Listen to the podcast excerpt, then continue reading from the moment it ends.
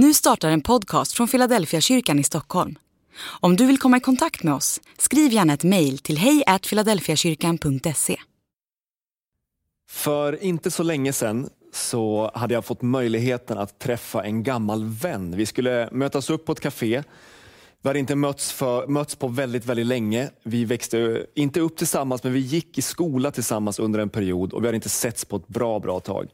När vi växte upp så skulle jag säga att han inte alls delade min kristna tro. Eller åtminstone som jag upplevde det så delade han inte alls min kristna tro. Men vi hade en väldigt bra liksom, vänskap och vi bara bestämde nu för ett tag sedan att ja, men vi möts en gång till och bara går ut och snackar lite grann. Så vi möttes upp, skulle mötas upp på det här kaféet, men innan jag stack iväg till det där kaféet så slogs jag av en tanke. Eh, och Det var en väldigt enkel, basal tanke kanske, men tanken var bara att men jag kanske ska be en bön för honom innan jag sticker till det här kaféet.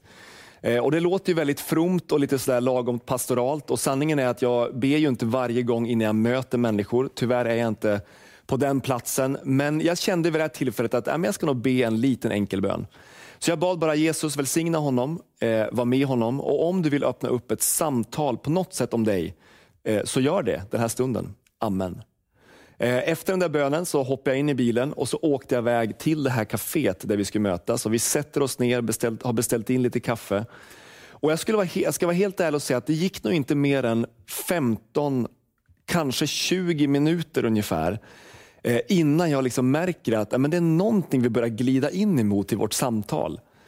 Jag märker att han på olika sätt har haft vissa upplevelser under den tid som vi inte har mötts som har påverkat honom. Och så bara efter ett tag känner jag att men det där som han har upplevt och känt och varit med om, det verkar ju ha att göra med Gud. Även om han inte satt ord på det på det sättet riktigt så märker jag att någonting här har skett. Så jag bara börjar prata med honom och vi fortsätter att snacka om det här och vi pratar om Gud under en bra stund vid det där kafébordet. Och det slutar med att jag också tipsar honom om lite olika kyrkor han skulle kunna kolla upp på den plats där han bor. Eh, och Varför berättar jag det här i början på min predikan? Jo, men det är för att den här enkla lilla händelsen påminner mig eh, om den där enkla sanningen att när vi ber för en annan människa, när vi ber för någon som kanske inte delar våran tro, så händer någonting på riktigt. Alltså den där bönen har verkligen en reell verkan eh, på den människa och i våra liv när vi ber. Eh, när Paulus, en av kyrkans tidiga teologer och eh, församlingsgrundare, ska undervisa sin, eh, sin ledarlärjunge Timoteus i första Timoteusbrevet om ett liv som församling och ett kristet liv, så säger han så här i kapitel 2, första Timoteusbrevet, vers 1 till 6. Kapitel 2, vers 1 till 6. Han säger så här. Först och främst så uppmanar jag till bön och åkallan, till förbön och tacksägelse för alla människor, för kungar och alla som har makt, så att vi kan leva ett lugnt och stilla liv på allt sätt fromt och värdigt. Att be så är riktigt och behagar Gud, vår frälsare, som vill att alla människor ska räddas och komma till insikt om sanningen. Gud är en och en är förmedlaren mellan Gud och människor. Människan, Kristus Jesus, som gav sig själv till lösen för många. I det här brevet försöker alltså Paulus att på olika sätt undervisa, vägleda och hjälpa den här unga församlingsledaren Timoteus kring hur han ska organisera församlingen och hur de här tidiga kristna liksom ska leva. Men det är intressant att lägga märke till vad är det han börjar med när han ska undervisa och vägleda Timoteus. Ja, men han börjar inte i änden att han liksom talar om ledarskap i en direkt mening. Han börjar inte heller i änden att han ska tala om exakt hur vi lägger upp vårt liv och exakt hur vi ska hantera vår ekonomi eller våra olika relationer. Det är intressant att lägga märke till vad han lägger sitt fokus på i starten av sitt liksom undervisande kapitel eller sin undervisande del i det här brevet. Han lägger sitt fokus på att vi ska be för alla människor. Bibeln säger ju mycket om bön och Bibeln säger vid flera tillfällen och Bibelns författare säger vid flera tillfällen att vi får be för våra egna behov. Vi får lyfta upp det som vi kämpar med, det vi brottas med, det vi tycker är jobbigt. Jesus säger ju till och med när han lär sina lärjungar att be, så säger han be också om att Gud ska fylla alla era behov. Så det är viktigt att liksom veta det. Vi får be för precis vad som helst. Men när Paulus kliver in i det här sammanhanget så börjar han inte i änden av att du ska be för dig själv. Vi får det, det är självklart, det är givet, det står helt på Bibelns grund. Men i det här sammanhanget så börjar Paulus med att säga, be för alla människor. Och han trycker på från alla håll han kan. Han säger be, han säger åkalla, han säger stå i förbön för, han säger tacka Gud för alla människor. Och han säger till och med be för kungar och för de som har makt. Eh, och Det man måste komma ihåg när man läser det här sammanhanget, det är ju att, att de som hade makt på den här tiden, makthavarna vid den här tidpunkten, det var ju inga demokratiskt valda makthavare. De här personerna som hade makten i dåtidens samhälle var ju mer att likna vid någon form av diktator. Alltså personer som hade tagit sig makten och som gärna roffade åt sig saker till sin egen ficka och till sitt, sitt eget rike och sitt eget kungadöme. Alltså det var inte rakt av så trevliga makthavare alla gånger, men Paulus säger ändå, be även för dem.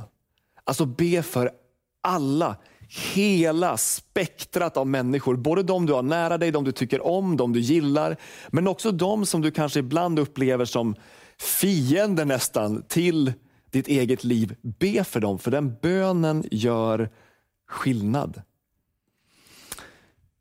Nu inser vi ju alla som sitter här och lyssnar på den här, de här orden jag läser att var och en av oss kanske inte kan täcka in alla människor i vår bön.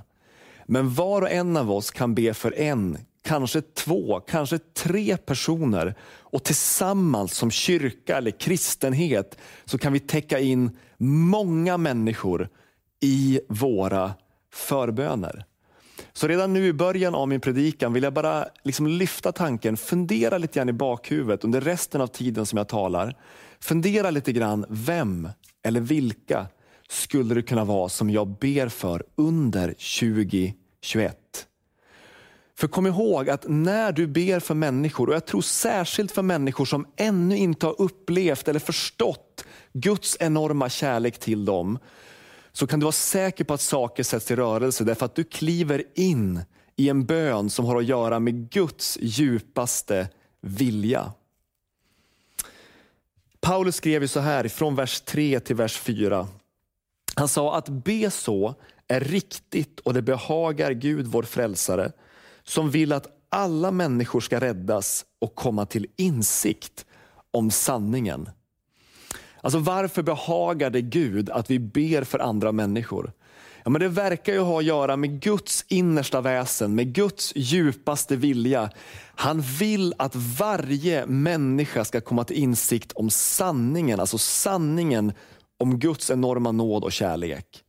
Och Det där budskapet det återupprepas ju på olika sätt genom hela nya testamentet, genom hela bibeln och särskilt när man möter Jesu möten med människor i evangelierna. Eh, vid ett tillfälle i Lukas evangeliet kapitel 15 så möter vi Jesus där han blir kritiserad av dåtidens religiösa elit. Han blir ju det vid många olika tillfällen och kanske särskilt faktiskt i Lukas evangeliet. Eh, han blir kritiserad av dåtidens religiösa elit på grund av att han umgåtts, eh, varit tillsammans med fel typ av människor. De människorna som man uppfattade stod utanför Guds rike, utanför Guds folk, utanför hans förbund. Och när Jesus ska försöka förklara varför han har haft att göra med dessa människor så ger han dem inte ett rakt svar utan han ger dem istället tre stycken kända liknelser. Han berättar för det första om det bortsprungna fåret som eh, herden springer ut och letar rätt på. Han berättar om det, det borttappade myntet eh, som en person liksom sopar hela huset efter och letar efter för att få tag på. Och så berättar han om den förlorade sonen som har sprungit långt, långt bort men som till slut vänder om hem till sin far igen och hur fadern liksom tar emot honom med öppna armar. Och Han berättar ju de här berättelserna kanske särskilt för att förklara för dem som kritiserar honom, som inte har förstått hur Guds hjärta ser ut. Han berättar det för att förklara, det är det här som bankar på Guds hjärta. Att söka, kalla, att locka på den som har försvunnit, som sprungit bort, som inte ännu har förstått hur Guds hjärtslag slår för just den personen. Så när du ber för en människa, när du ber för en människa som ännu inte kanske har uppfattat den där nåden från Gud, då kan du vara säker på att saker sker därför att du ställer dig mitt i det som är Guds tydligaste, skulle jag vilja säga, och djupaste vilja. Att alla ska komma till insikt om sanningen och räddas. Så någonting sker i den personens liv som du ber för. Men kanske ännu mer skulle jag säga än vad som sker i den personens liv så tror jag att någonting sker i ditt liv när du kliver in i den här typen av förböner. Ibland har vi nästan kanske talat om bön som att Gud inte kan verka om inte jag ber. Som om Gud nästan är lite sådär lagomt handlingsförlamad om inte just jag kliver på och ber. Och Jag tror att det där blir lite snett att tänka på det sättet. Därför att när Bibeln beskriver Guds närvaro i den här världen så beskriver Bibelns författare en Gud som finns överallt. Allting är liksom inhägnat av Gud. Guds ande är utgjuten över allt kött. Så Gud han liksom verkar runt omkring oss hela tiden. Hans ande rör vid människors hjärtan. Jag tror att Gud faktiskt just nu kanske arbetar och är nära någon av dina grannar på ett särskilt sätt. Gud är nära någon av dina arbetskamrater just nu, även om inte den personen på pricken sätter ord på det, så är Gud där. Han gör någonting, han försöker visa sig, han pockar, han lockar, han talar. Så jag tror att Gud verkar överallt. Vi påverkar inte Guds vilja i den meningen när vi ber.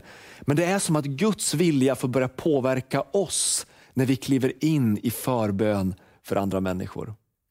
Eh, under 2020 så hade vi en visionskonferens där vi talade om att alla kan bli en bro till tro för någon. Att vara en bro till tro handlar om att be för någon, att bygga relationer med personen och att dela ord av uppmuntran och ord om vem Jesus är till dem vi ber för. Eh, och när vi hade den där visionskonferensen så bestämde jag mig själv också för att jag ska, jag ska be för ett par personer särskilt under 2020. Så jag skrev ner ett par namn på den här listan. Eh, och Någonting som jag har lagt märke till under året som har gått när jag har försökt att återkommande be för ett par personer, det är två saker. Det ena är faktiskt att vissa saker bara har öppnats upp när jag har bett för vissa personer specifikt. Det är som att samtal helt plötsligt blir givna. Det är som att man får chansen att liksom möta vissa personer lite tydligare, lite oftare. Det är som att Gud bara gör någonting i den där bönen. Han verkar. Och En sak till jag också lagt märke till, det är hur jag själv helt plötsligt kanske har fått nya tankar, nya idéer, har fått mod att ibland öppna munnen eh, vid tillfällen där jag annars kanske inte har haft mod att öppna munnen och tala. Hur jag ibland kanske har bjudit, fått bjuda in någon person som jag annars kanske inte skulle ha bjudit in. Alltså hur Gud på något sätt har verkat i min insida så att jag märker att jag dras in i det som är hans vilja. Så när vi ber för människor så påverkas den människans liv, men mer än det tror jag också att våra liv påverkas av de förböner vi ber. Och Jag tror att när du kliver in i den här typen av förbönstjänst, våga också be konkret om att människor ska få möta Gud genom Jesus Kristus. Det sista Paulus sa, det var att Gud är en och en är förmedlaren mellan Gud och människor. Människan, Kristus Jesus, som gav sig själv till lösen för många. Jag brukar ibland tänka att det finns många saker som är värda att be för när man ska be för andra människor. Man kan be om välsignelse, man kan be om välgång, man kan be om goda förutsättningar i arbetslivet eller på skolan eller vad det än handlar om. Och alla de där bönerna är fantastiska. Men det finns någonting som är viktigare tror jag än allting annat. Och det är att relationen till Gud genom Jesus Kristus får upprättas för varje människa. Och Jag skulle bara vilja få utmana dig att när du kliver på och ber för någon eller några personer under det här året, då vill jag utmana dig, våga be tydliga böner om att relationen ska få bli helad mellan Gud och människa genom hans son Jesus. Vi har ju levt ett år som har varit väldigt märkligt, en pandemi som har pågått och en pandemi som fortfarande pågår. Där man kan känna att, men vad är egentligen min plats just nu? Kanske har man känt sig lite mer liksom åsidosatt, man har varit mycket mer hemma, man har inte kunnat möta människor på samma sätt. Och man kanske, kan, man, man kanske kan känna att men vad ska jag liksom bidra med? Vad ska jag göra? Hur kan jag kliva på i det Gud gör i den här världen just nu? Jag skulle vilja uppmuntra dig att en av de absolut viktigaste saker som du kan göra oavsett hur läget ser ut i världen, det är alltid att be för andra människor. Du kan be för en, du kan be för två, du kanske kan be för tre stycken. Du kan be för någon om att livet med Gud ska få upprättas och bli synligt och tydligt. Gud välsigne dig. Vi ber en bön tillsammans. Jesus, tack för att du vill väcka upp eh, bilder i vårt inre på människor som vi kan vara med och be för. Herre, jag ber att du ska lägga ner personer i våra hjärtan. Lägg ner människor i våra liv som vi på ett särskilt sätt kan få bära inför dig. Tack för att du vill använda oss på det sättet och på många andra sätt. I Jesu namn. Amen.